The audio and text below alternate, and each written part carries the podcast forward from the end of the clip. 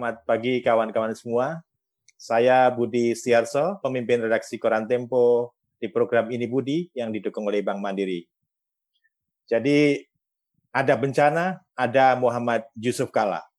Sejak tsunami Aceh pada akhir 2004, gempa Yogyakarta tahun berikutnya, gempa Sumatera Barat pada tahun 2009, hingga gempa di Palu dan Donggala pada 2018, Pak JK selalu berada di depan untuk ikut menanganinya. Dengan kelincahannya, juga kecepatannya dalam mengambil keputusan, Pak JK menjadi andalan di masa darurat. Kini dalam posisi sebagai Ketua Palang Merah Indonesia, Pak JK juga bergerak untuk menangani dampak pandemi COVID-19. Pagi ini saya senang bisa mendapatkan kesempatan untuk berbincang dengan Pak JK, Wakil Presiden 2004 sampai 2019 dan 2014-2019 dalam topik solidaritas mengatasi pandemi. Selamat pagi Pak JK, Assalamualaikum warahmatullahi wabarakatuh. Selamat pagi, saya Budi. Waalaikumsalam warahmatullahi wabarakatuh. Apa kabar Pak, sehat? Alhamdulillah, sehat-sehat. Selalu sehat ya. Terima kasih iya. sudah menyediakan waktu untuk berbincang pada pagi hari pada pagi hari ya. ini. Ya, Pak ya. tadi di awal sudah menyebutkan ada bencana, ada JK. Nah, mengapa kalimat seperti itu eh, terkesan dalam banyak orang. Pak, ini menurut Pak JK seperti gimana nih? Yang penting jangan saya bikin bencana kan, tapi nah, iya. kalau kita selesaikan ya. Iya, iya, iya. Ya, ya di samping karena memang waktu-waktu itu tugas saya. Ya. Waktu tsunami itu uh, peraturannya wakil hmm. presiden ini ketua Bakornas. Hmm. Nah, saya wakil presiden. Hmm. Jadi saya selesaikan. Tapi penyelesaiannya itu tuntas betul karena tiga tahap. Ya. bencananya penyelesaian bencana kemudian perdamaiannya. Kan itu harus se, se, satu. Kalau kita selesaikan bencana tanpa damai tidak mungkin. Jadi hmm. kita selesaikan tiga-tiganya. Hmm. uh, di yang di Aceh ini pak ya? Di Aceh di Jogja gitu di Sumatera hmm. Barat. Ya, terakhir di Palu sebenarnya juga. Ya, Palu, Palu Donggala ya. Ya, tahun 2018 ya Pak JK ya. Ya. Ya. Pak JK dari sekian bencana yang pernah Bapak ikut menangani itu, eh, apa sih pengalaman yang paling mempengaruhi hidup Pak JK, baik sebagai posisinya sebagai wakil presiden maupun eh, sebagai pribadi gitu? Ya penanganan bencana itu harus dari hati semuanya, keikhlasan. Hmm. Karena kalau kita tidak ikhlas atau juga kita dengan sepenuh hati, itu tidak bisa selesai. Dan yang penting juga menganalisanya, kemudian mencari solusinya. Hmm. Kita tidak sembarang kerja, harus pelajari dulu masalahnya apa, bagaimana diselesaikannya, bagaimana keadaan masyarakat di sana. Uh, seperti itu uh, kita selesaikan seperti itu. Dan bagaimana menyelesaikannya dengan cepat, lebih praktis. Hmm. Gitu. Hmm. Kalau uh, jadi dari hati cepat itu uh, apa sudah melekat di Pak JK atau karena memang fungsinya harus seperti itu? ya saya tidak tahu juga, tapi ya saya lakukan seperti itulah. Hmm. Oke. Okay. Uh, eh, kalau dari penilaian Pak JK ya, uh, di dalam penanganan bencana yang mana yang Bapak merasa paling berhasil dan di mana yang paling uh, yang merasa kurang berhasil atau sedikit gagal gitu Pak JK?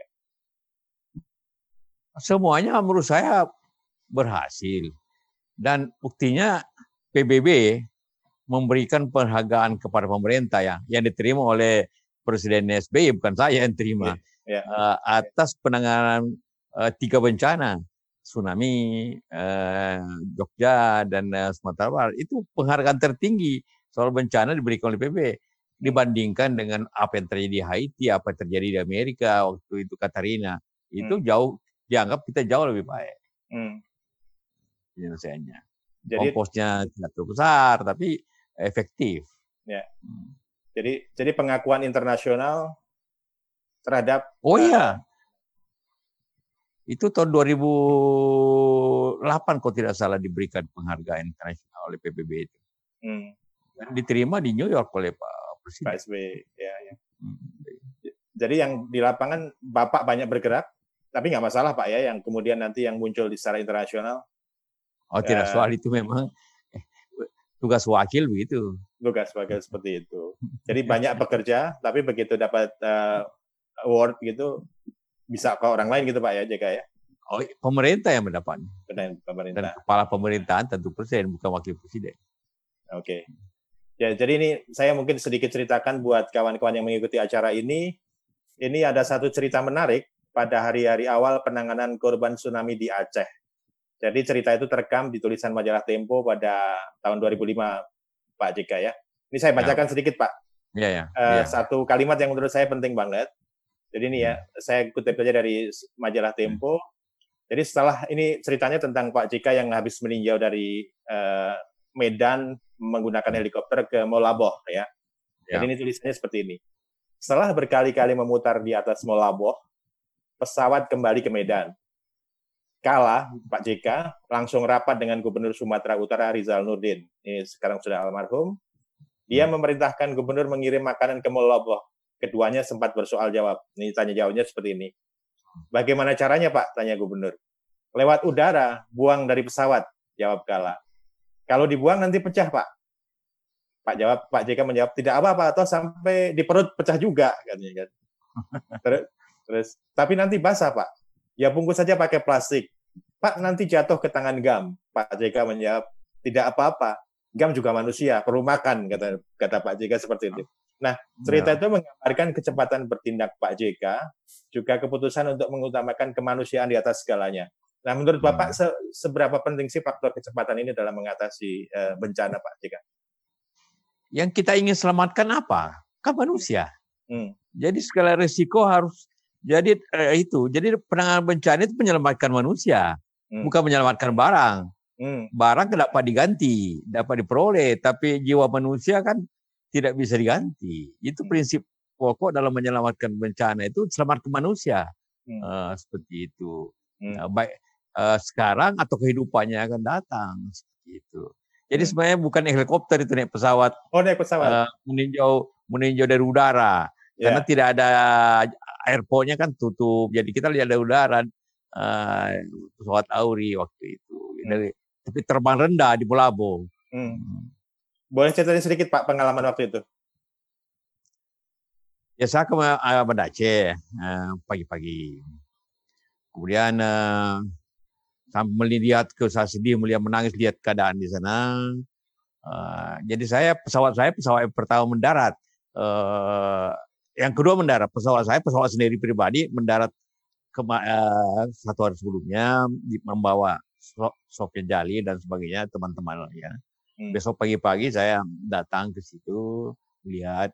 Uh, setelah itu sorenya ada Pak SB mendarat di Losmawi oleh Pak Wapres. Saya tidak bisa berada di dua tempat uh, yang kritis darurat.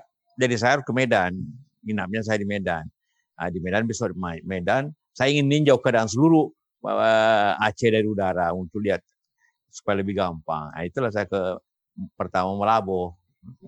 Hmm. Jadi lihat keadaannya. Setelah oh. lihat ini penuh air, eh, orang dibawa setelah uh, kasih tanda bahwa mereka susah. Uh, saya pikir ini mereka harus dikasih makan. Uh, saya perintahkanlah seperti tadi itu. Hmm. Itu itu dialog di gudang di gudang uh, logistik di Medan sebenarnya oh. di air bandara. Oh. Bandara. Saya suruhin yeah. bawa ini kan. Yeah, yeah. Gubernurnya pakai alasan. Jadi saya marah. Sebenarnya terakhir itu marah saya. Oh. Nah, hmm. Iya, iya. Nah, itu itu kata-kata itu yang terakhir bahwa GAM juga manusia itu dibaca oleh pimpinan GAM dan mereka hmm. terharu. Karena itu hmm. mereka percaya sama saya dalam perundingan. Hmm. Karena bahwa saya melihatnya bukan mereka sebagai musuh, tapi sebagai manusia. Nah, itu. Itu sangat penting kalimat terakhir itu eh, sangat mempengaruhi untuk proses perdamaian gitu Pak. Iya, jadi hmm. saling terkait semuanya. Itu menjawab keperdamaian, itu salah satu yang selalu mereka kenang kalimat itu. Wah, hmm. juga manusia. Hmm. Ya, ya, ya. Jadi di sini eh, faktor kemanusiaan jauh lebih penting ya Pak. Sekarang kan kalau kita lihat tercermin kan sering kali bantuan itu dikaitkan dengan eh, apa namanya ya politik dengan eh, apa dengan ya disparit uh, perbedaan-perbedaan politik gitu kan Pak ya. Padahal jauh lebih dari itu nilai kemanusiaan itu sangat penting gitu Pak Jaga ya. Iya, yang kita ingin selamatkan manusia, bukan rumahnya, manusianya. hmm. bukan barangnya. Ah, di mana saja faktor pertama manusia. Hmm. Ah, itu yang uh, menjadi bagian yang pokok dalam ya. setiap. Sama sekarang, yang kita selamatkan manusia. Ya, oke. Okay. Ya, Pak Jika ya, kini kita sekarang berhadapan kan juga dengan wabah yang tak kalah dahsyat ya. Serangan virus corona mungkin bentuknya berbeda, tapi eh, efeknya juga luar biasa nih mengglobal, hampir semua eh, negara terkena. Dampaknya juga luar biasa. Nah, menurut Pak JK, eh, apakah faktor kecepatan yang tadi juga Bapak eh, sebut di bencana-bencana sebelumnya itu menjadi faktor penting untuk sekarang ini? Oh iya, semuanya bencana itu kecepatan adalah faktor utama. Kalau telat sehari, jadi dalam bencana tertentu ada sebut golden time. Hmm. Kan? Nah, sama dengan uh, ini kecepatan kalau kita cepat hmm. maka masalahnya kecil, kita atasi. Kenapa Korea, Cina, Korea, Vietnam, Taiwan, New Zealand berhasil? Karena dia mulai uh, mengatur dan juga membuat tindakan penyelamatan itu di bulan Januari. Kita masih berdebat Januari Februari apa ini penting atau tidak penting menganggap ente. Itu bulan dua bulan kita kehilangan. Mereka mau Januari. Jadi mereka menangani tidak besar. Tapi sekarang sudah menyebar. Ini yang sudah. Ada bedanya begini ah, bedanya antara bencana sekarang wabah sekarang dengan katakanlah tsunami gempa.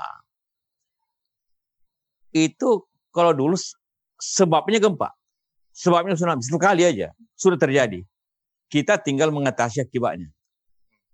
Sekarang sebabnya yang terus yang belum selesai panjang sehingga terjadi akibat yang ekonomi, ke sosial.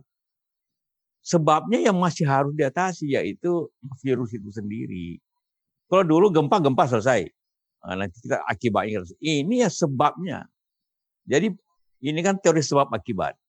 Sebabnya virus, akibatnya ke ekonomi, sosial. Kadang-kadang banyak pihak yang ingin menyelesaikan dulu akibatnya. Ya terbalik. Mesti hmm. sebabnya fokus ke sebab. Hmm. Kalau sebabnya sudah diatasi, maka otomatis akibatnya juga bisa selesai. Nah, yeah. Itu masalahnya. Yeah. Jadi golden time-nya itu uh, di awal-awal gitu Pak ya untuk seperti oh, juga iya. Seperti juga kalau ada uh, orang terkena stroke, mestinya itu di, ditolong di awal-awal ya sebelum awal-awal. Jadi sedikit di hmm. diisolasi cepat. Di Vietnam karena cepat Januari itu dia diisolasi hanya satu kecamatan. Hmm. Bisa dia kontrol. Hmm. Kemudian memang dia lockdown di Hanoi, di Ho Chi Minh City. Hmm. Nah, tapi dia bisa kontrol hingga tidak ada satu pun yang meninggal kan? Iya. Begitu juga di Taiwan. Hmm. Korea juga begitu. Hmm. Amerika karena telat, ah, akibatnya begini. Hmm. Tiga, hampir seratus ribu orang meninggal. Hmm. Jadi semuanya ada golden time yang harus kita selesaikan. Oke. Okay. Pak JK, kalau ini berandai-andai ini, kalau Pak JK masih memegang eh, apa, ya bisa mengambil kekuasaan untuk mengambil keputusan apa yang perlu dilakukan di uh, waktu yang tadi golden time itu? Ya pertama begini, kita harus mengetahui dulu sebab akibat. Sebabnya virus ini, oke? Okay? Pertama. Kemudian kita pakai prinsip itu uh, bidang ini kan kesehatan, hmm. bahwa me mencegah lebih baik daripada mengobati. Jadi preventifnya lebih baik daripada kuratifnya. Kalau pencegahannya cepat, maka kuratifnya sedikit. Nah, kita ini habis waktu berdebat tentang uh, pengobatan. Akhirnya berbulan-bulan hanya bicara tentang eh, uh, apa uh, masker, bicara tentang eh, eh, uh, ventilator, ya kan? Uh, bicara tentang APD. Itu berbulan-bulan bicara itu. Hmm. Padahal yang kita harus dahulukan ialah bagaimana mencegahnya. Hmm. Mencegahnya ada dua hal yang kita harus bersamaan atasi. Ialah sikap orang. Hmm. Karena itu tinggal di rumah. Hmm. Itu pencegahan itu. Menghindari. Itu dengan eh, pencegahan dengan cara menghindari. Hmm. Tinggal di rumah. Ah. Bekerja di rumah, aktif di rumah, uh, ibadah di rumah itu kan yang sering dikatakan oleh Pak Jokowi. Sebenarnya itu sudah hal yang pokok itu. Yang kedua ialah melawan virus ini. Hmm mati mematikan ini bisa dimatikan. Hmm. Tapi dengan usaha massal hmm. dengan uh, disinfektan. Hmm. Kadang kan virus. Hmm. Ini bisa dimatikan dengan disinfektan. Itu dilakukan di China, di Korea, di Taiwan, di Vietnam. Nah, itu dilakukan oleh PMI dan juga banyak lembaga lain ya, nah, bukan hanya PMI. Tapi yang saya kira juga yang besar-besaran PMI Plamera. Hmm. Karena kita harus melawannya, tidak buat jangan hanya menerimanya. Baru kalau ini dua ini maka kita persiapkan jalankan pengobatannya. Kalau kena, hmm. kalau kena. Nah, bagaimana tidak kena? Ya hanya mematikan virus itu dan menghindari virus itu. Hmm. Jangan menyerah. Hmm.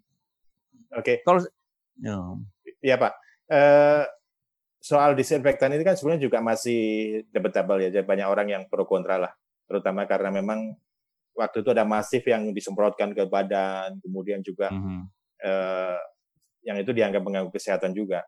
Yang kedua adalah ketika orang dipaksa ke rumah juga tidak semuanya bisa atau tidak semuanya berdisiplin. Nah ini problem yang memang yeah. terlalu jadi uh, masalah di kita. Menurut Pak JK seperti apa? Ya jawabannya ketegasan. Hmm. Nah, kalau kita tidak tegas, jadi begini. Hmm. Ya kalau di rumah di rumah, siapa yang keluar rumah ya harus didenda. Siapa yang tidak pakai masker didenda, dihukum, di, di ketegasan. Kalau tidak ada ketegasannya, juga tidak bisa jalan. Gitu kan. Ya, soal disinfektan itu memang ada yang kalau kena manusia. Karena itu kita tidak kena manusia, kena kena benda, rumah, gedung-gedung, ruangan, ruangan publik, uh, trotoar karena kita tidak tahu ada di mana itu virus. Hmm. Jadi tapi di Vietnam yang yang dia buat ialah uh, ruang ruangan uh, disinfektan itu, kamar-kamar disinfektan itu kena manusia. Dia lebih memilih sembuhkan dulu, memang mungkin saya ada efeknya bisa diperbaiki kemudian. Ya. Daripada orang meninggal banyak gitu kan. Ya, ya. Pak, ya, Pak tapi Jiko, ya. di mana pun tidak ada cara lain selain dua ini. Hmm, jadi tetap memaksa orang di rumah dan yang kedua dengan disinfektan gitu Pak ya? Iya, secara luas. Ya. Jadi sterilisasi kota. Ini kita lakukan di Jakarta. Tentu besar kecilnya tentu ada pengaruhnya. Akhirnya Jakarta kan menurun kan. Hmm. Di samping dua hal ini. Hmm. Ya. Tidak cara lain, hanya dua hal ini. Dan tidak susah sebenarnya. Pak jika eh, tadi disebut ketegasan. Ini ketegasan ini harus di, di, di, di level mana? Karena sebenarnya kan pemerintah pusat, pemerintah daerah itu sering kali juga nggak sinkron antara satu dan yang lainnya. Nah, tegasnya itu di level mana? Dua-duanya. Artinya uh, pusat tegas. Kalau bilang PSBB, laksanakan sesuai aturan PSBB. Jangan kita bertidak, saya tidak kita tidak bertegar tentang apa PSBB atau lockdown. Pokoknya laksanakan PSBB. Ya PSBB kan yang boleh hanya 8 hal. Ya. Laksanakan saja PSBB, aturan PSBB. Laksanakan aja. Nah, ketegasannya. Itu ada unsur uh, aturannya di situ. Nah, itu termasuk pemerintah daerah. Karena yang laksanakan PSBB kan daerah. Jadi yang sekarang daerah memprotes pusat karena suka roba-roba aturan. Hmm. Uh, tidak boleh mudik, tapi uh, angkutan boleh. Boleh, uh, boleh kampung. Ya kan uh, tidak semua menjadi tidak jelas. Tidak jelas masyarakat melihatnya peluang untuk uh, lebih bebas gitu kan. Akhirnya ya terjadi uh, kita di antara banyak negara naik terus. Negara lain sudah turun, kita masih naik. Hmm. Ya. Nah, sekarang eh, ketika masih naik itu juga ada eh, sudah ramai kita diskusikan di mana-mana itu kita berencana untuk melonggarkan justru Pak. Uh, ya tentu saja alasannya betul-betul karena orang harus uh, berkegiatan ekonomi lagi, agar hidup terus berjalan. Sementara virusnya ini belum ada obatnya, belum ada uh, vaksinnya juga, ya Pak Presiden menyebutkan ini kita harus berdamai dengan virus ini. Jadi uh, menurut Pak JK gimana nih? Sebenarnya kita harus tegas itu tidak perlu lama. Antara sebulan dua bulan aja sebenarnya. Kalau hmm. sebulan dua bulan kita betul-betul ini melaksanakan dengan konsekuen PSBB, hmm. terputus ini. Hmm. Bisa terputus, setidaknya turun. Turun itu kemudian bersamaan kita sterilisasi kota-kota secara bersamaan, ini turun ini. Melaksanakan itu. Tapi uh, kita tidak laksanakan seperti itu. Malah ya kita main kata-kata saja banyak. Jadi kita lebih banyak berdebat daripada berbuat sebenarnya. Hmm. Ya, tiap malam berdebat ya ya tentang tadi anda sebutkan tentang damai tidak damai atau dampingan semuanya uh, main kata-kata kita semuanya. Hmm. Nah, jadi tapi realnya kita tidak secara tegas mengaturnya uh, sebenarnya sesuai dengan uh, semestinya. Ya ya, Pak. Uh, ya ini apa yang menurut Pak JK membuat uh, kita melewatkan golden time yang tadi disebut Pak JK ini? Apakah karena memang faktor leadership, faktor ya memang orang Indonesia nggak disiplin? Seperti kita lihat belakangan ini menjelang Lebaran kan pasar-pasar sudah ramai di mana pun di Jakarta di luar Jakarta. Eh, ini kan faktor kedisiplinan orang juga. Atau apa? Karena orang pemerintah kita tidak menggunakan basis sains atau seperti apa ini Pak menurut Pak JK? Ya gabungan daripada banyak hal. Tapi bukan hanya kita seperti itu. Hmm. Eropa dan Amerika justru negara maju itu sangat terlambat juga. Hmm. Kenapa telat? Satu, meng menganggap enteng masalah. Kita menganggapnya itu kan flu biasa, dapat sembuh sendiri. Awal-awal ingat ya, Februari, yeah. Januari, buat. Nah, waktu itu ingat kalau Anda hadir, saya undang tanggal 5 Februari pimpinan redaksi hmm. uh, ke rumah saya. Tanggal 5 Februari. Sudah, ini bahaya. Hmm. Nah, karena itu saya kasih semuanya uh, satu box masker. Anda sekarang barangkali belum sadar. Ini ini modal yang terbesar nanti pada uh, beberapa hari kemudian. Dan benar kan? Orang hmm. berebutan cari masker. Yeah. Artinya kita sudah duga ini hal. Nah, caranya pun kita sudah tahu. Sudah sudah kasih tahu bagaimana caranya mengatasinya. Nah, jadi bahaya ini. Hati-hati ini bahaya besar. Saya minta waktu ke media untuk melaporkan bahwa ini bahaya akan datang. Hmm. Jadi sebenarnya kita sudah menjadi sejak Januari kita sudah sadar itu sudah, sudah mengambil risiko itu sudah ada, akan ada. Nah pada saat itu golden time itu ya seperti saya katakan negara-negara Vietnam, Korea, Taiwan bertindak kita berdebat hmm. ataupun nyenyer gitu hmm. pada bulan-bulan itu. Ya, hmm. Tapi itu masa lalu lah. Hanya ya. pelajaran jelas. Betul. Pelajaran. Nah, akibatnya kalau sudah menyebar begini, negara kita besar, makin sulit kita selesaikan. Hmm. Ya. ya Tapi ada, tidak ya. berarti tidak bisa. Bisa selama dua hal ini uh, segera jadi pencegahannya. Hmm pencegahannya. Kita bebankan semua ini ke dokter. Pada dokter itu semuanya bagian kedua. Hmm. Setelah terakhir. pencegahan pertahanan ini, penyerangan ini bobol sedikit, maka resikonya ke rumah sakit. Kita bicarakan pertama harus rumah sakit, tidak bicara tentang pencegahannya. Hmm. Ya, ya. Ya ini eh, pencegahan ini mungkin nggak Pak bisa dilakukan ketika uh, semua orang akhirnya ya memang harus keluar gitu karena uh, udah dua bulan ini pasti orang juga udah mulai bosan, orang juga udah mulai kehilangan tabungan misalnya, kehabisan tabungan. Terus uh, apalagi juga kan pemerintah juga berencana untuk melonggarkan. Nah, gimana ini bisa bisa tujuan buat pencegahan melawan corona tapi sekaligus berdamai. Karena itu Pak JK kemarin dikutip di beberapa media kan menyatakan ya kita mau berdamai kalau virusnya nggak mau damai gimana gitu kan ini lucu sekali ini apa namanya statementnya ini ya kan tidak mungkin dia mereka ya jangan dulu kena saya tidak mungkin lah dia kan dia kan tidak punya pikiran. Pokoknya ini kan makhluk yang uh, tidak uh, menyerang kiri kanan aja, ya kan. Ya. Jadi jangan pikirkan seperti itu. Hmm. Uh, jadi sebenarnya masih bisa dicapai tadi dengan kesatuan yang sama-sama. Kita tidak bermaksud untuk meminta semua orang tinggal di rumah berlama-lama tidak semuanya. Kalau efektif sebulan cukup, dia terputus, menurun dia. Pada saat menurun kita uh, bersama-sama uh, matikan pada saat dia menurun. Hmm. Cuma sebulan, tapi efektif. Senyapkan kota sebulan, seluruh Indonesia senyapkan. Hmm. Uh, Bagaimana Anda tanya, bagaimana cara hidup? Ya pemerintah harus mensubsidi, memberikan bantuan, memang begitu. Hmm. Uangnya Maksimum ada, dua bulan. Hah? Uangnya ada? Ya, ah, pasti diadakan lah pemerintah kan banyak akal, bisa minjam, bisa defisit, bisa eh, hentikan dulu proyek-proyek yang tidak perlu. Harus begitu, harus ada prioritasnya.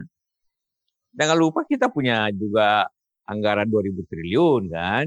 Hmm. Ya seperempat saja kita potong, kan sudah dimaksud cukup. Menyelesaikannya tidak perlu banyak, serat, uh, 100 200 triliun itu bisa mengatasinya ini. Satu, satu bulan ya Pak ya. Jadi jadi kalau saya baca, kalau saya nggak salah tangkap, berarti Bapak sebenarnya setuju dengan lockdown ya. ya kalau kita agak diskusi. Sebenarnya antara PSBB lockdown tidak banyak beda. Hmm. Cuma lockdown ini ada sanksinya keras. Hmm. PSBB juga hampir sama di rumah saja, kalau keluar pakai masker, jangan bersentuhan, sama saja. Hmm. Cuma istilah saja. Cuma beda, ya tidak ada sanksi, Pak ya. Bedanya sanksi yang jelas tidak ada. Jadi saya tidak persoalkan antara lockdown biasa sama. Coba cari ada berbeda banyak nggak? Enggak. Cuma satu bahasa Indonesia, satu bahasa Inggris itu aja. Sampai ada lockdown pakai do ent ya Pak ya, down gitu. Nah. Di beberapa tempat. Ya. Iya. Ya. Pak Jika, eh, ini satu problem yang juga mungkin ini sebenarnya bukan problem baru soal data ini ya.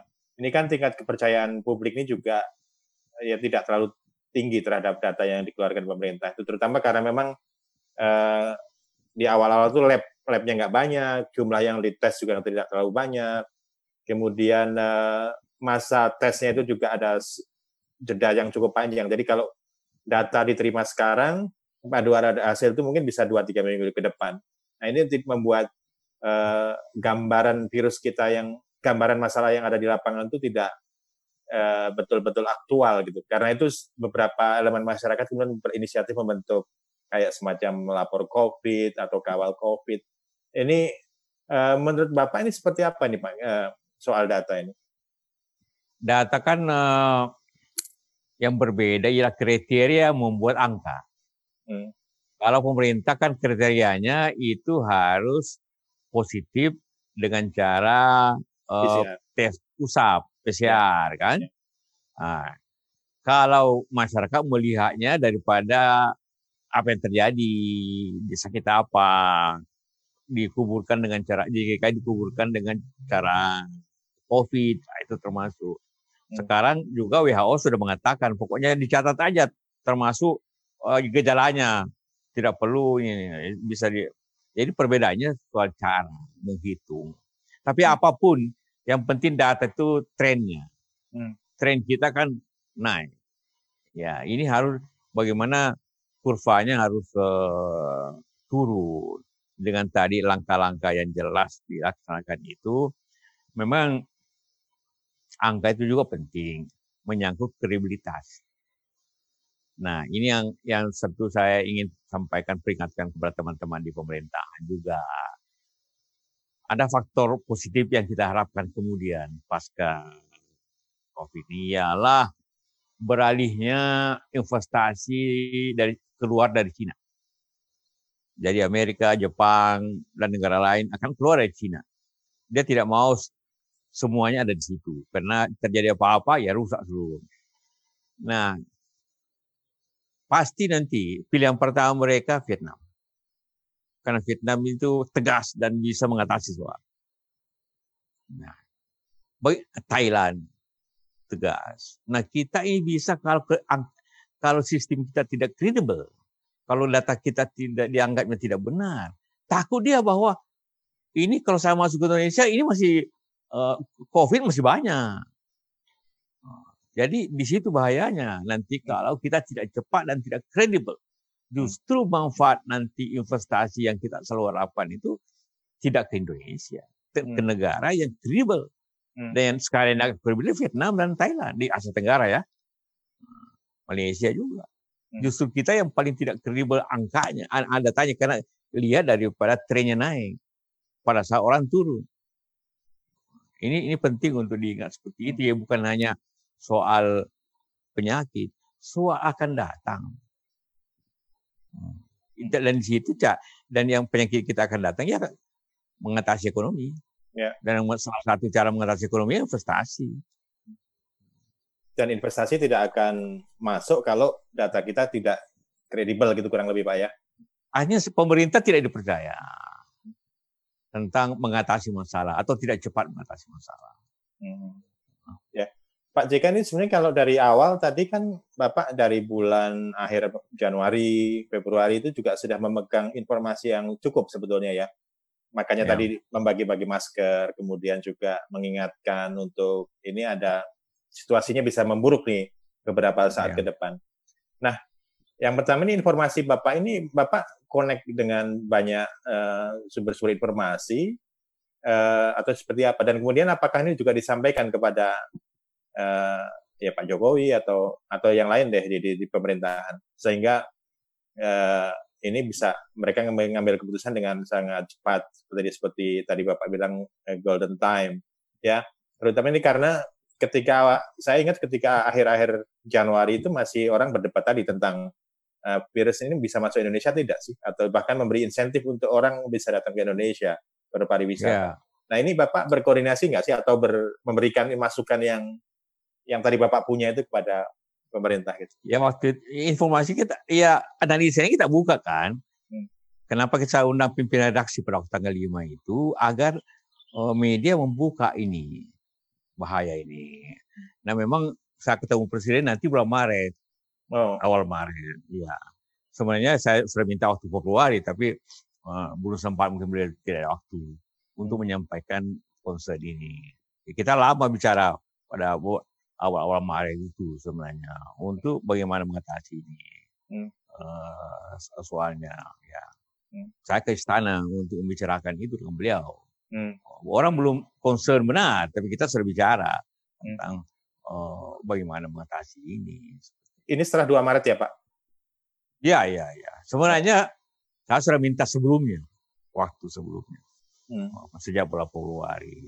Hmm. Nah, pada waktu itu Merah sudah menyiapkan uh, logistik, menyiapkan, dan malah kita sudah semprot. Jangan lupa kalau lihat semprot uh, Istiqlal, itu kan anak-anak PMI sebagian besarnya. Hmm.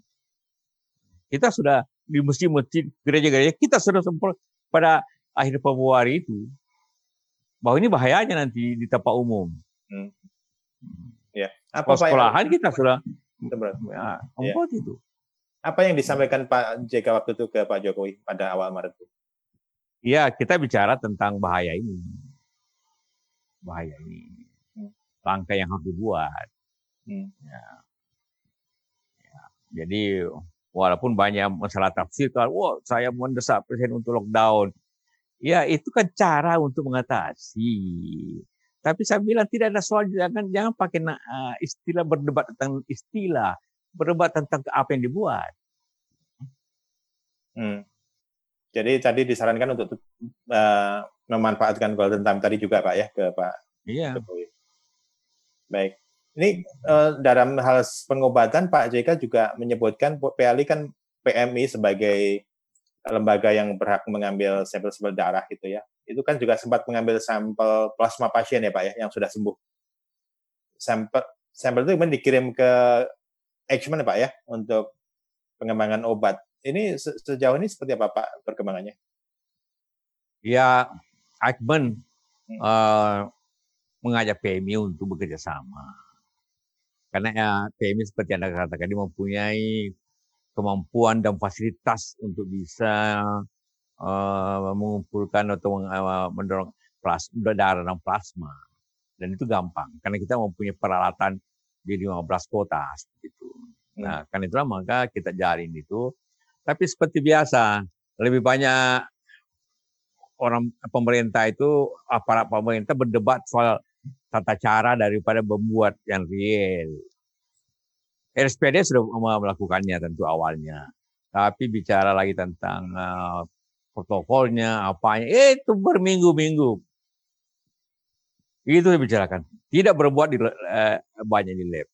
Hmm. Itu sekali laksanakan di Makassar. Dengan PMI di Makassar, dengan UNHAS, kita laksanakan di sana. Hmm. Uh, berjalan.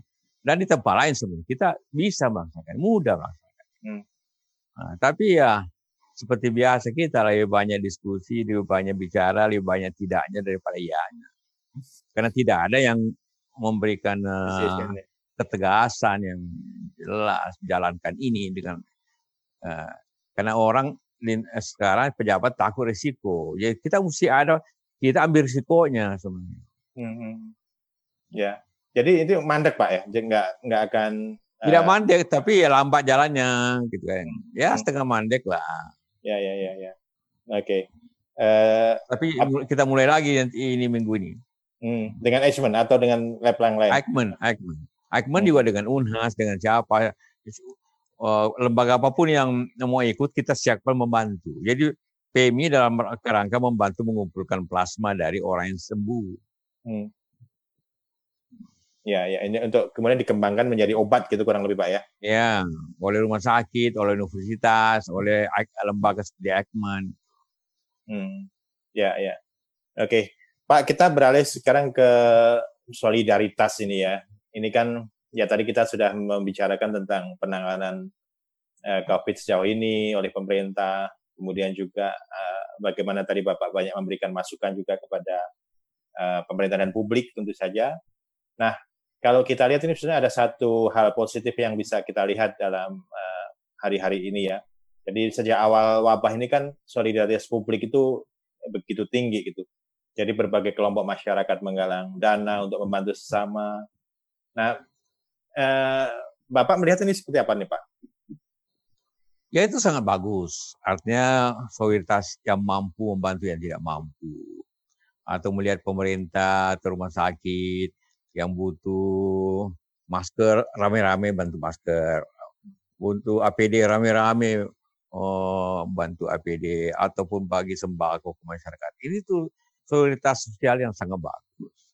Memang harus direncanakan sebenarnya dengan baik, di pool dengan baik. Contohnya gini, akibat beberapa bulan lalu semua orang bicara masker dan APD, maka semua menyumbang APD dan akhirnya seperti di PMI jutaan masker eh, terkumpul di begitu juga di seperti di gugus tugas saat itu.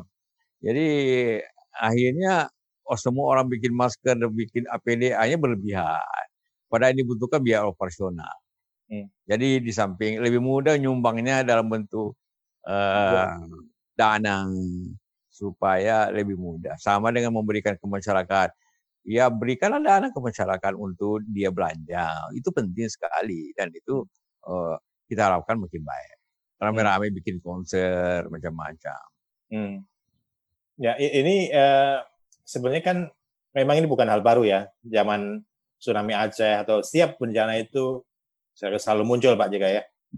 Hmm. Ya. Nah ini uh, ada bedanya nggak sih dengan situasi sekarang, terutama maksudnya kebutuhan tentang uh, solidaritas ini, terutama karena tadi pasti ini kita belum menemukan obatnya, masih akan lama, belum penanganannya juga belum terlalu uh, sampai sekarang belum terlalu jelas. Nah, uh, kita kan bisa menyimpulkan bahwa sebenarnya kita mungkin uh, sedikit sekali kita bisa bergantung kepada pemerintah kepada negara lebih lebih baik kita bergantung kepada sesama saja gitu Nah, menurut Pak Cika ini seperti apa? Kalau dilihat dibandingkan bandingkan dengan tsunami dengan sekarang, jauh lebih tinggi waktu tsunami. Hmm. Saya lihat contohnya satu stasiun TV Metro dulu menganggaran dana itu terkumpul dalam waktu singkat 150 m. Pada zaman tahun 2004 itu kan mungkin nilainya sekarang dua kali lipat seperti itu ya, bisa beli. Sekarang saya lihat stasiun yang sama itu hanya sudah satu bulan, dua bulan hanya sampai dengan 10 persen dan dulu. Hanya 15, 16. Kenapa itu terjadi? Karena dulu musibahnya ada di Aceh. Yang tempat lain aman. Hmm. Jadi banyak orang bisa membantu. Sekarang seluruh Indonesia kena. Orang tinggal di rumah. Jadi dia menjaga tabungannya. Nah, tidak banyak. Jadi dibanding yang menyumbang dulu, jauh lebih baik dulu. Waktu Nah, karena itu soliditas Aceh tinggi sekali karena orang masih ekonomi di Jawa di tempat lain jalan pak jalan. Sekarang seluruh ekonomi tidak jalan. Jadi seluruh orang kena. Ya sama dengan di dunia ini. Waktu kita krisis 98 ekonomi. Yang kena tiga negara di Asia, Indonesia, Thailand, Korea. Jadi negara selain itu bisa bantu kita. IMF bantu, World Bank bantu, Jepang bantu 30 persen, IMF 30 persen, Eropa Amerika bantu 30 persen. Jadi kita bisa selesaikan. Uh, ini karena kita dibantu. Sekarang kita minta dari mana? Memalukan kan kalau kita minta ke Jepang, ke Amerika atau Eropa. Malu kita. Oh dia kena juga, dia krisis juga. Jadi sekarang lebih kemandiriannya sangat penting. Karena itu kita harus bertindak cepat. Karena jangan mengharap ke mana-mana. Itu bedanya. Nah, jangan hmm. mengharap ke mana-mana. Kekuatan sendiri. Kekuatan sendiri. Memang uh, kenapa seperti ekonomi tidak jalan? Ya sekarang. Karena tinggal di rumah. Itu tidak jalan. Yang dibawa golongan masyarakat yang berpenghasilan rendah itu mungkin tabungannya cuma sebulan habis. Dia tidak kerja. Mesti kita bantu. Mesti bantu. Golongan menengah menjaga tabungannya supaya dia bisa hidup enam bulan ke depan loh. Tidak belanja juga. Yang di atas yang mungkin lima persen pengusaha-pengusaha atau uh, mampu. Dia wait and see. Tidak berbuat apa-apa. Hmm. Nah, jadi memang ini tiga-tiganya harus digerakkan yang di bawah harus kerja, yang di atas harus kembali aktif supaya dia belanja, di atas itu kembali dia investasi. Ini semua gabungan-gabungan ini uh, bagaimana menggerakkan untuk dengan memberikan optimisme, harapan dengan tindakan tegas dari kita. Ya, jadi ukurannya adalah uh, ya Bapak sebenarnya melihat ukuran uh, jumlah yang bisa dikumpulkan itu sebagai uh, indikator ya Pak ya. Uh, ya mungkin tidak berarti menurunnya solidaritas, tapi um, karena semua terkena maka uh, kemudian iya, mereka bergerak di lingkungan masing-masing. Iya, hmm. lihat aja sekarang konser-konser. Uh, walaupun tokoh-tokoh yang uh, masuk MPR apa. Hasilnya cuma berapa? Ya, hmm. Itu pun agak ditipu sedikit. Lelang motor ya Pak ya? Ya, itu berapa? Padahal luar biasa ongkosnya itu. Tapi hmm. yang dapatnya sedikit. Karena seperti tadi tadi, oh, jangan di, yang di bawah umur dibantu, yang mendengar jaga tabungan supaya bisa hidup. Yang di atas dia wait and see. Hmm. Kena juga, kena juga dia. Perusahaannya, perusahaan-perusahaan besar tidak jalan. Hmm. Ya semua orang menjaga diri masing-masing. Hmm. Nah, dalam situasi sekarang ini jadinya seperti apa nih Pak? Kalau uh, tadi kita mungkin berharap terlalu besar kepada pemerintah juga uh, kita nggak bisa, tapi juga bergerak kepada sesama juga uh, kok uh, kita harus bergantung pada yang sebenarnya orang punya masalah yang sama juga dengan kita. Nah ini uh, gimana nih buat masyarakat yang terutama memang ya kita kita bersatu selesaikan sebabnya virus ini. Hmm. Hanya itu cara. Jadi sebab akibat. Ini cuma akibat, sosial ekonomi akibat. Selesaikan sebabnya dengan uh, bersatu, tidak berdebat. Kita mesti kasih langkah satu, dua, tiga. Ini ambil langkah satu, ini ambil dua, ini, ini mesti bagi tugas begitu. Oke, kita dukung ini. Sanggup kita. Hmm. Saya kita sanggup selesaikan ini. Lawan ini, jangan menyerah. Hmm. Saya agak uh, agak heran juga kalau banyak pejabat kita yang pesimis. Pemerintah tidak boleh pesimis. Kalau pemerintah pesimis, rakyat akan menderita. Lebih-lebih ketakutan. Hmm. Kalau kita pesimis, rakyat ketakutan. Ya, Ya, sekarang kan walaupun kan, rakyat diminta waspada. Ya. Sekarang kan juga justru sekarang muncul kayak semacam hashtag tagar itu terserah Indonesia gitu karena memang ini kayaknya munculnya kan dari tenaga medis ya yang mereka eh, apa kecewa dengan tingkat kedisiplinan orang yang terus saja keluar meskipun sudah dilarang. Eh, gimana nih Pak? Jadi terserah Indonesia ini kan juga pesimistik juga terhadap perkembangan yang akan datang. Iya, itu tanda kekecewaan. Karena begini, seperti saya katakan tadi, tenaga kesehatan, dokter, perawat, rumah sakit, itu kan menampung akibat. Benteng terakhir, Pak. Ya, ya terakhir. Bukan yang pertama, dia benteng terakhir. Mengobati. Kalau kita tidak cepat mengatasi masalahnya, itu masalahnya lari semua ke, ke perawatan. Tapi kalau kita selesaikan di awalnya, maka beban perawatan kecil. Oh, kecil. Mm-hmm. Nah, sekarang kita semua bicara tentang uh, ventilator saja, bicara APD, jadi bicara tentang uh, akibat Ujung, saja. Ya. Ujung. Pada kita bicara, usinya melawan itu. Hmm. Bisa dilakukannya. Hmm. Ya. Pak JK ini pemerintah sudah membuat step-step kan ya untuk perlahan-lahan uh, membuat situasi menjadi new normal itu istilah yang sekarang jadi orang semua latah uh, semua normal yang baru nanti mungkin uh, banyak hal yang tadinya tidak seperti itu sekarang juga situasinya menjadi baru. Nah, uh, Pak JK setuju nggak sih dengan langkah-langkah tadi step-step misalnya ada termasuk wisata yang nanti modalnya baru, kemudian nanti mungkin mall sudah mulai dibuka tapi dengan sistem pengamanan yang baru. Eh, Pak JK kan juga dulu backgroundnya juga bisnismen, pengusaha. Ini eh, penting nggak sih Pak untuk menjalankan itu? Terutama tadi eh, sebetulnya memang Pak JK menekankan pentingnya kita melawan agar cepat selesai virusnya, agar cepat keluar. Tapi eh, di sisi lain kita sisi ekonomi juga mulai harus bergerak juga kalau menurut pemerintah kan. Nah ini Pak JK setuju nggak dengan langkah-langkah step-step menuju new normal ini BUMN dibuka lagi dan seterusnya itu? Ya itu kan seperti saya ingin ulangi, ada sebab ada akibat. Soal ekonomi sosialnya hanya akibat. Dia selesaikan sebabnya dulu. Hmm. Nah jadi fokus. Jadi uh, seperti itu bahwa new normal itu sebenarnya kalau kita artikan hidup seperti dia sekarang ini, sekarang ini pakai masker, jaga jarak, di tangan, itulah new, new normal sebenarnya. Hmm. Sama saja, tidak ada hal yang tiba-tiba baru, enggak. Jadi biasa kalau keluar, dulu kalau kita pakai masker ke mana ya ada apa nih? Itu, itu pakai cadar kali. Sekarang ya. dulu oh perempuan pakai cadar orang bingung, sekarang semua orang pakai cadar. Nah, itu coba akibatnya seperti itu. Perempuan semua pakai cadar. Nah, uh, sekarang ini ya pakai masker.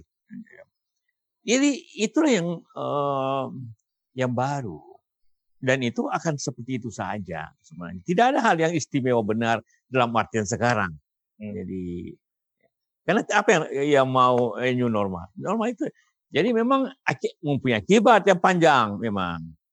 Sekarang belum masuk sekolah. Tapi kalau sudah sekolah, kalau dulu satu kelas bisa 40 orang, sekarang hanya 20, 20 orang. Apa artinya? Mesti tambah kelas. Atau mesti ada sekolah sore, kelas sore. Hmm. Ya boleh buat. Hmm. Mesti mungkin orang anak-anak sekolah Sabtu lagi hmm. supaya uh, yang boleh. Kantor harus dirubah letaknya. Restoran harus berubah uh, meja, uh, mejanya. Banyak hal-hal seperti itu yang, yang, yang memang efek daripada gaya sekarang ini apabila kita ingin buka maka harus seperti ya orang sebut ini selalu kata protokol kesehatan itu yang yang new normal. Hmm. Jadi sudah no, keadaan ini normal sudah. Begitu keluar, kalau dulu begitu keluar cari handphone, hmm. kan kita di kantor. Ya. Sekarang begitu keluar mana masker? Masker. Nah. Sama hand, hand sanitizer, pak ya?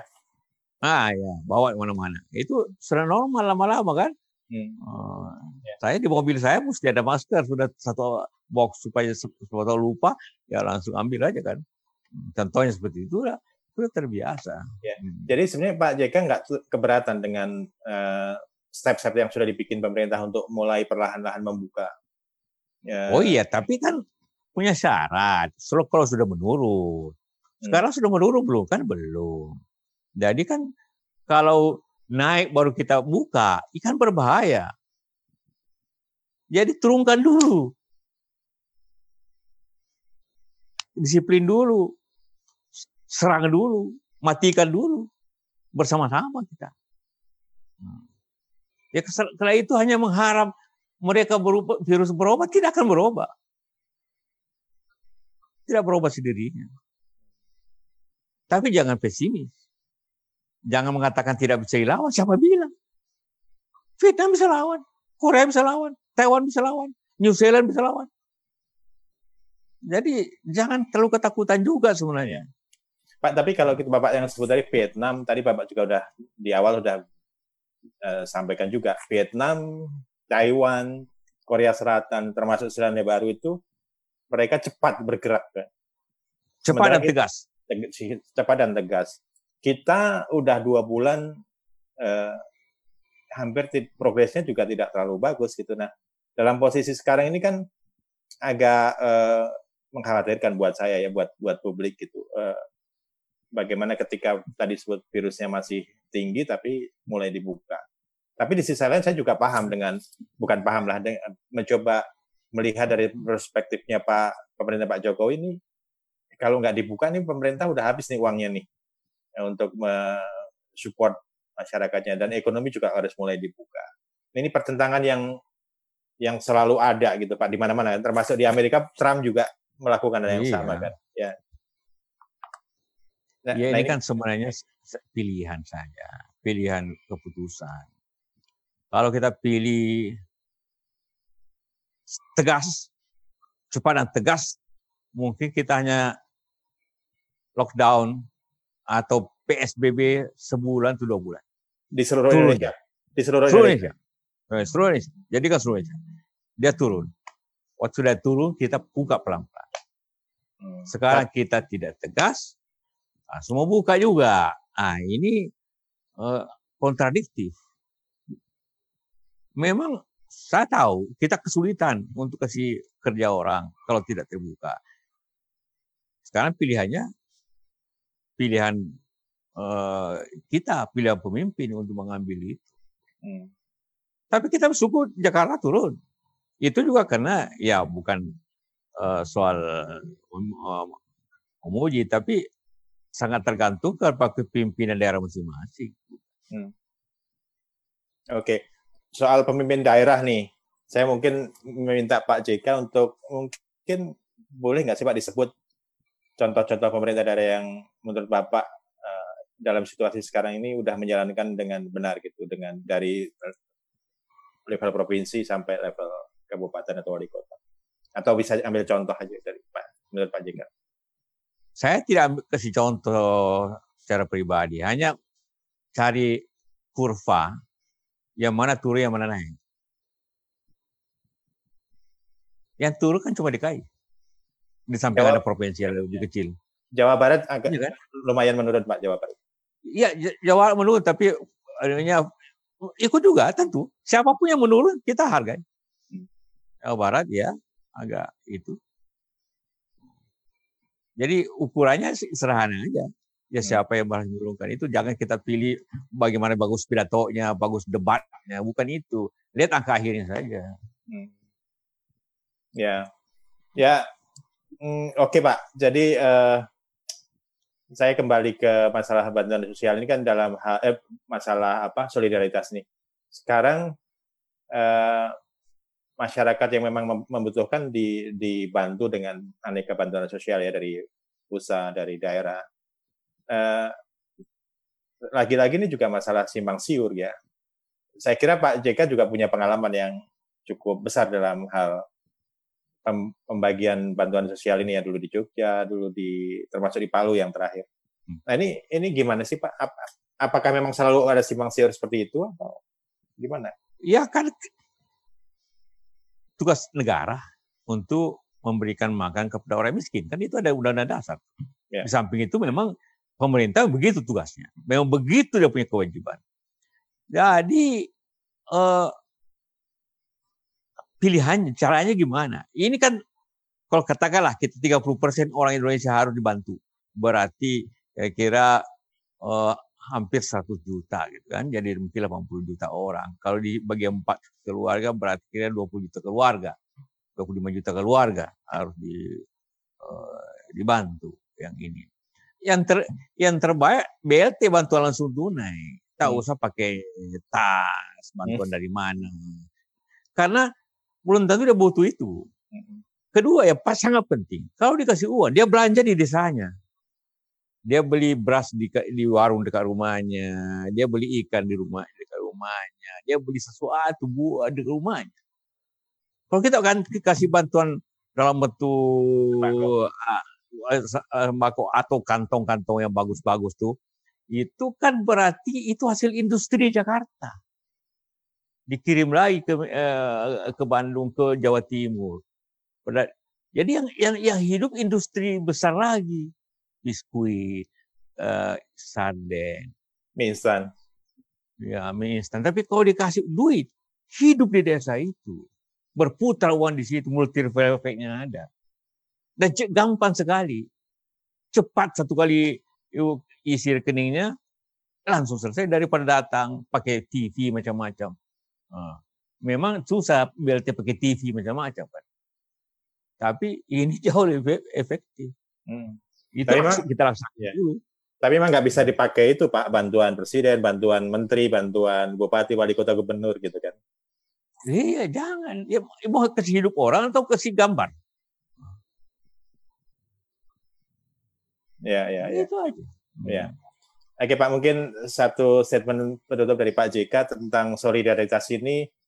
Uh, mestinya harus kita kelola seperti apa sih untuk ke depan ini terutama memang karena wabah ini juga eh, apa belum akan berakhir ya mudah-mudahan tidak terlalu lama tapi siapa tahu eh, kita tidak, belum sama sekali bisa memperkirakan nah saya minta Pak JK untuk memberikan statement tentang apa yang segera harus dilakukan oleh masyarakat kita terutama dalam menjaga solidaritas eh, untuk ya saya harus katakan untuk menutup kelemahan birokrasi yang memang uh, susah sekali menjangkau sampai level terbawah. Silakan Pak. Ya, dalam situasi yang sulit ini tentu kita harus saling membantu. Yang mampu membantu yang tidak mampu. Yang punya kesempatan membantu yang tidak punya kesempatan. Itulah solidaritas sosial seperti itu. Walaupun saya katakan tadi, ini situasi tidak terlalu mudah dibanding dengan bencana-bencana yang lain. Karena kalau bencana lain sekali terjadi, terjadi tinggal kita selesaikan akibatnya. Sekarang ini kita selesaikan sebabnya sekaligus menyelesaikan akibatnya. Ah, dan ini karena menyebar, semua orang kena, semua orang ketakutan. Jadi berbeda dengan bencana-bencana gempa, banjir atau apa pun hanya di situ yang kena. Ah, seperti itu. Tapi namun demikian bisa diselesaikan selama kita betul-betul bersatu dan orang memahami dan ada keikhlasan sama-sama. Dan juga yang lupa membantu orang itu berarti membantu diri sendiri. Hmm.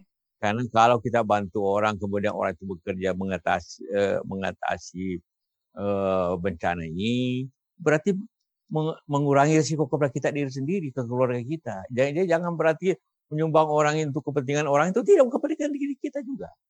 Nah, sama dengan kalau ada bantu, minta maaf ya, iklan sedikit, membantu PMI untuk kita okay. disiplinakan. Itu berarti membantu perusahaan Anda karena anda bisa jualan kalau selesai semua soal. Jadi bukan membantu PMI, membantu diri sendiri. Contoh seperti itu ya. Uh, atau siapa saya lembaga sosial membantu rumah sakit, membantu Anda siapa tahu Anda masuk rumah sakit nanti. Ya, ya. Itu itu itu poin yang mestinya kita pahami secara bersama-sama. Baik, terima kasih Pak JK. Banyak sekali informasi yang kita dapatkan dalam perbincangan pagi ini, Pak ya. Nah, semoga uh, Pak JK ini sehat terus, bisa banyak berperan dalam ya. usaha melawan dampak wabah yang luar biasa ini. Dan uh, kembali tadi ya tidak perlu nanti-nanti juga ada wabah ada JK gitu ya Pak karena Bapak selalu bergerak di situ. Janganlah nanti disebut wabah, wabah JK enak. Baik, terima kasih Pak. Uh, uh, selalu sehat dan selalu bersemangat. Kawan-kawan uh, semua, Baik. terima kasih telah bergabung dalam program ini Budi yang didukung Bank Mandiri tetap sehat dan aman di rumah masing-masing. buat kawan-kawan yang merayakan, termasuk Pak JK, besok selamat ya. Idul Fitri. Mohon maaf uh, lahir dan batin. Amin. Uh, ya, semoga musibah ini juga cepat sekali uh, cepat berlalu. Saya Budi Siarso, mohon pamit. Wassalamualaikum warahmatullahi wabarakatuh. Waalaikumsalam.